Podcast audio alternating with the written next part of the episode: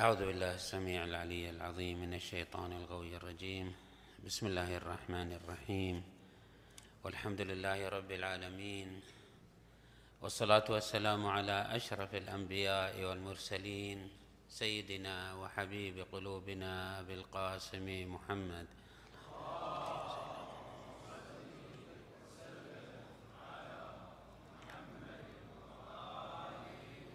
وعلى أهل بيته الطيبين الطاهرين المعصومين الميامين. اللهم صل على محمد سيد المرسلين وخاتم النبيين وحجة رب العالمين. المنتجب في الظلال المنتجب في الميثاق المصطفى في الظلال المطهر من كل آفة البري من كل عيب المؤمل للنجاة والمرتجى للشفاعة. المفوض إليه دين الله. اللهم شرف بنيانه وعظم برهانه وافلج حجته وارفع درجته. اللهم اضأ نوره وبيض وجهه وأعطه الفضل والفضيلة والمنزلة والوسيلة والدرجة الرفيعة. وابعثه اللهم مقاما محمودا يغبطه به الأولون والآخرون. اللهم صل على محمد وآل محمد الأوصياء الراضين المرضيين بأفضل صلواتك وبارك عليهم بأفضل بركاتك والسلام عليه وعليهم وعلى أرواحهم وأجسادهم ورحمة الله وبركاته. ثم السلام عليكم أيها المؤمنون جميعا ورحمة الله وبركاته. قال عز من قال في محكم كتابه الكريم بسم الله الرحمن الرحيم. الله الذي يرفع السماوات بغير عمد. الله الذي رفع السماوات بغير عمد ترونها ثم استوى على العرش وسخر الشمس والقمر كل يجري لأجل مسمى. يدبر الأمر يفصل الآيات لعلكم بلقاء ربكم توقنون. صدق الله العلي العظيم. لازال الحديث متسلسلا. حول توحيد الله عز وجل في آفاق التوحيد التوحيد الذاتي وتوحيد الأسماء والصفات والتوحيد الفعلي الربوبي. وقلنا أنه أن الله عز وجل هو تفرد بالخلق وأن التدبير والإدارة والربوبية أيضا هي من فروع هذا التوحيد الخلقي بمعنى أنه أن الله الذي خلق هذا الكون هو الذي يدبر هذا الوجود. وقلنا أنه هذا التدبير الإلهي كما تنصص هذه الآية الكريمة بان لها مرحلتين.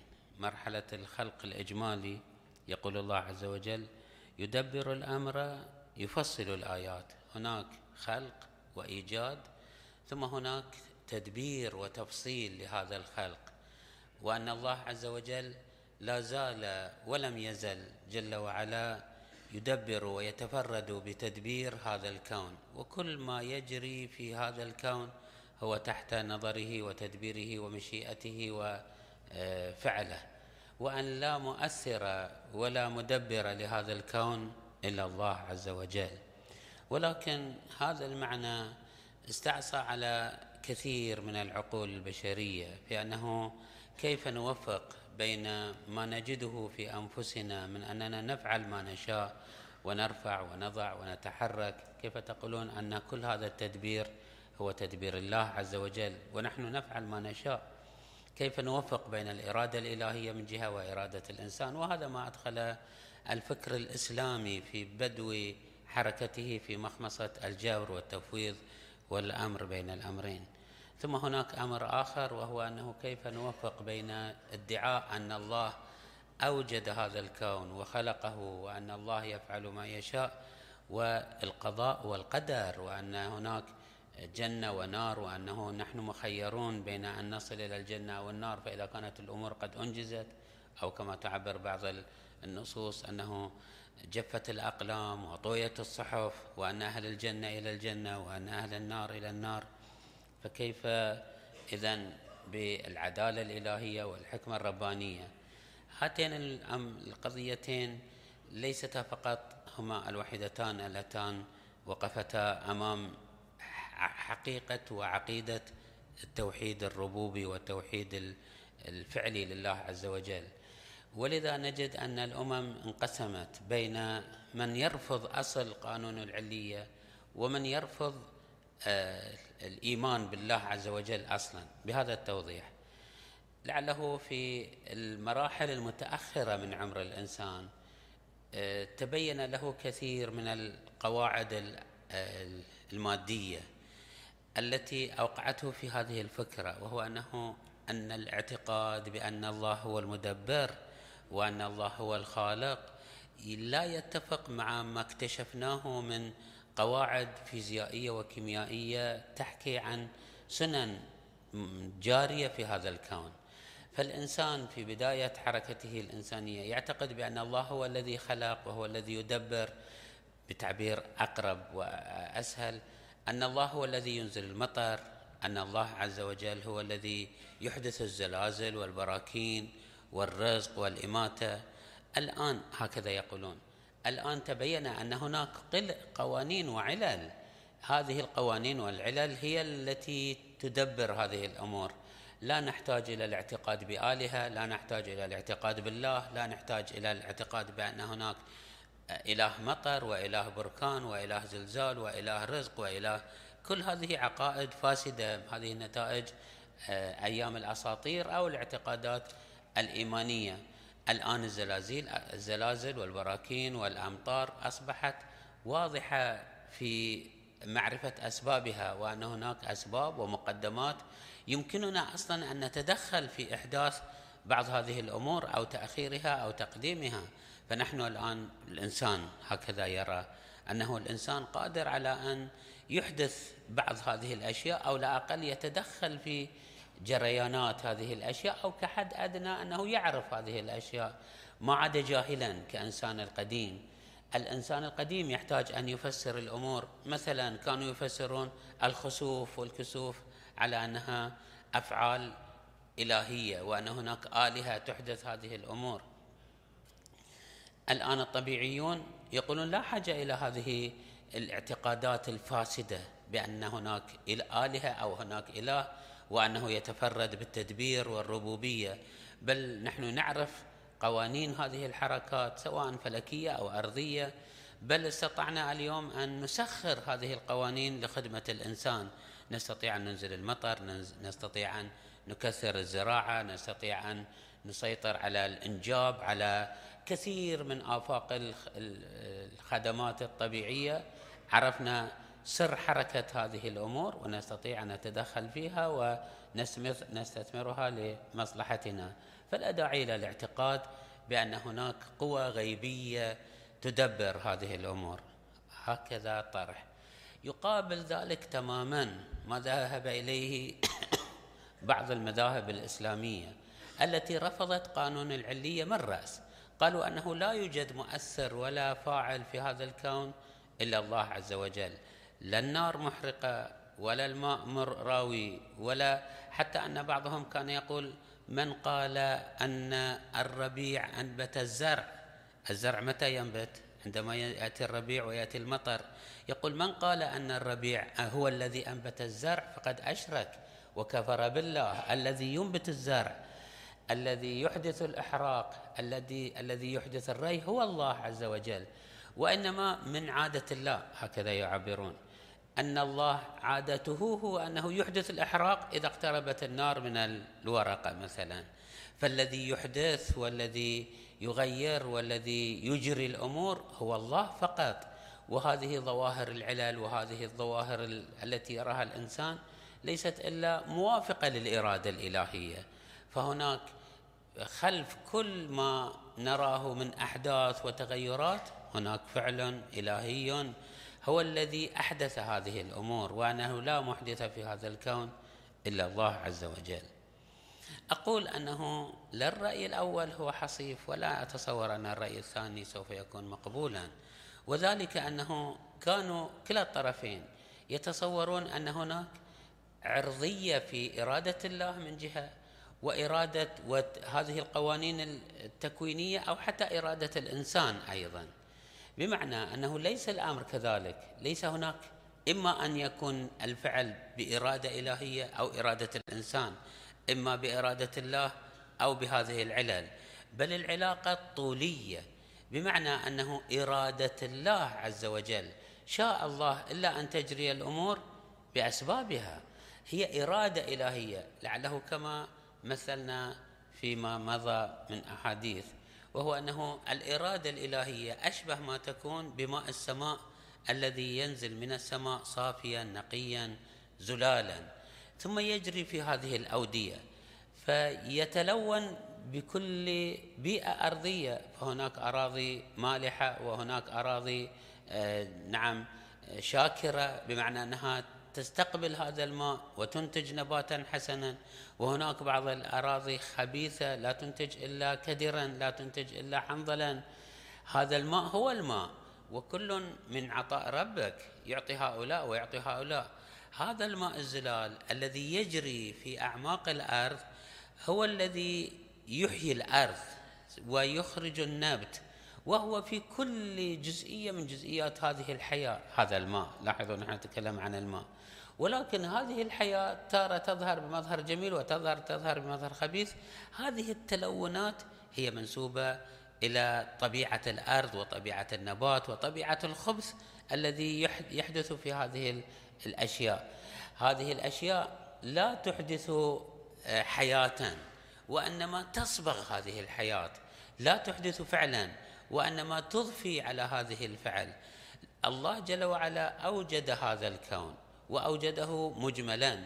ثم هذا الكون هو في حاله تفصيل وهذا التفصيل لا يزال في حاله تدبير إلهي ودخاله الهيه هو جل وعلا له في كل يوم شأن. هو في كل يوم شأن. لا لا يزال هو يبث هذه الحياة ويعطي هذه الحركة ويحدث هذه القدرة على الفعل. مثال لطيف يمثله السيد آه، الخوئي قدس الله سره. يقول إنه أشبه ما يكون بالكهرباء التي توصل بها هذه الأعضاء البدنية الصناعية. يقول لو فرضنا أن هناك يد صناعية ونوصلها بالتيار الكهربائي. إذا قطعنا التيار الكهربائي تصبح مجرد قطع حديدية لا معنى لها. نعم إذا أوصلناها بالتيار الكهربائي وسرت فيها الحياة فإنها قد تكتب وقد تنفع وقد تضر. النفع والضر آه، وإن كان منسوب بنسبة من جهة إلى هذه اليد ولكنه أيضا ينسب إلى هذه الكهرباء التي أضفت على هذه اليد حيوية وحركة. الحال الحال في كل الجزئيات فكل شيء يمكن أن ينظر إليه كما وضحنا ذلك في الأسبوع الماضي عندما يقول القرآن وما آه، رميت إذ رميت ولكن الله رمى. هو الرمي إرادة إلهية سارية وكذلك في كل فعل في فعل الإنسان. هو إرادة إلهية سارية في حياة الإنسان وفي فالفعل الذي صدر ينسب إلى الله عز وجل ولكن من حيث أصل الفعل وأصل القدرة وأصل العطاء وأصل المن وأصل الفيض وأصل الهبة وأصل النور هو من الله عز وجل. ثم هذا النور تارة يسري في هذا الموجود. بدنا كان انسانا كان قاعدة فيزيائية كانت. يسري فيه وبأمانة وكالإناء الرقيق. يسري فيه الماء الرقيق فتجد الماء رقيق كما هو الإناء. ولكن عندما نصب هذا الماء الرقيق الزلال في إناء أزرق أو إناء أحمر فإن الماء يظهر بمظهر هذه الحمرة وهذه الزرقاء فاللون هو قادم من الإناء ولكن أصل الماء كما يقول على كل حال أقول أنه هذه الإرادة الإلهية السارية في كل تفاصيل هذا الكون هي الإرادة الوحيدة التي تدير الأمور. ولو أراد الله لما جرى شيء. ولكن وفي نفس الوقت للإنسان خصوصية أنه يصبغ هذه الإرادة بالخير والشر. فإذا المدبر المؤثر الفاعل المتفرد بالألوهية التوحيدية والربوبية هو الله عز وجل. ولكن هذا لا يعني أنه نسقط قانون العلية والمعلولية. لا يعني أنه آه، الإنسان غير مخير. بل في نفس الوقت الإنسان مخير من خلال الإرادة الإلهية. وفي نفس الوقت هناك أسباب ومسببات وشاء الله ألا أن تجري الأمور بأسبابها وعللها. ومن هنا يقول العلامة طبطبائي رضوان الله تعالى عليه ما يرى من أنه خوارق للعادات هي ليس خرقا للعادات. بمعنى أنه هذه المعاجز وهذه التي نرى أنها مثلا عندما تتحول العصا إلى حية هو القانون الإلهي طبيعة الأمور أنه هذه المادة العضوية وهي العصا يمكن مع طي الزمان تتحول إلى تتحلل إلى مواد عضوية أرضية ثم تسير بطريقة طبيعية وقانون إلهي طبيعي في جوف الأرض ثم تتحول إلى مادة تمتصها النباتات ثم تأكلها الحيوانات فتتحول إلى حياة. وكل ما هناك أنه طويت هذه المرحلة الزمنية لموسى عليه السلام فتحولت العصا إلى حية. مثلا أقول أنه أصل القانون العلية والعلية ثابت لا كما يقوله الأشاعرة من أنه لا قيمة له ولا تأثير ولا أن هذا القانون قانون العلية والمعلولية يتعارض مع الإرادة الإلهية والتفرد الإلهي بالتدبير. بل كل ما يجري في هذا الكون هو ضمن الإرادة الإلهية والتدبير الإلهي. يترتب على ذلك أخواني وهذا من أهم الأمور هو أن يشعر الإنسان أنه كل ما يجري في هذا الكون هو عناية ولطف وفيض ونور إلهي يجري في هذا الكون. بعضه يكون موافق لأهوائي ورغباتي وما أتر ما أتمناه وقد لا يكون كذلك ولكنه بالنتيجة في أصله وفي عمقه هو لطف إلهي وإرادة ربانية. يقول الله عز وجل في محكم كتابه الكريم. ما أصاب من مصيبة في الأرض ولا في أنفسكم إلا في كتاب من قبل أن نبرأها إن ذلك على الله يسير. لكي لا تأسوا على ما فاتكم ولا تفرحوا بما آتاكم. كل ما نراه في هذا الكون من تدابير هو بلطف وعناية وتدبير إلهي. هذا هذه الإدراك وهذا الاعتقاد بأن كل ما يجري في هذا الكون هو إرادة إلهية ولطف إلهي يشعر الإنسان أنه تحت العناية الإلهية وأنه تحت التربية والفضل الإلهي في كل شؤونه فيما أحب وفيما كره. وهذا معنى أنه الحمد لله الذي لا يحمد على مكروه سواه بمعنى أنه كل ما هو مكروه من غير الله هو مذموم لأنه لا ينطوي على مصلحة. ولكن بالنسبة لله عز وجل فيحمد على كل ما يأتي منه. محمود بمعنى أنه ممدوح بمعنى أنه ذو فائدة بمعنى أنه له مصلحة. حتى ما أكرهه حتى ما تكرهه النفس لأنه لا يحمد على مكروه سواه. بمعنى أنه الصادر من الله عز وجل فهو خير وعطاء ومن إلهي. نكتفي بهذا المقدار والحمد لله رب العالمين وصلى الله على محمد وأهل بيته الطيبين الطاهرين.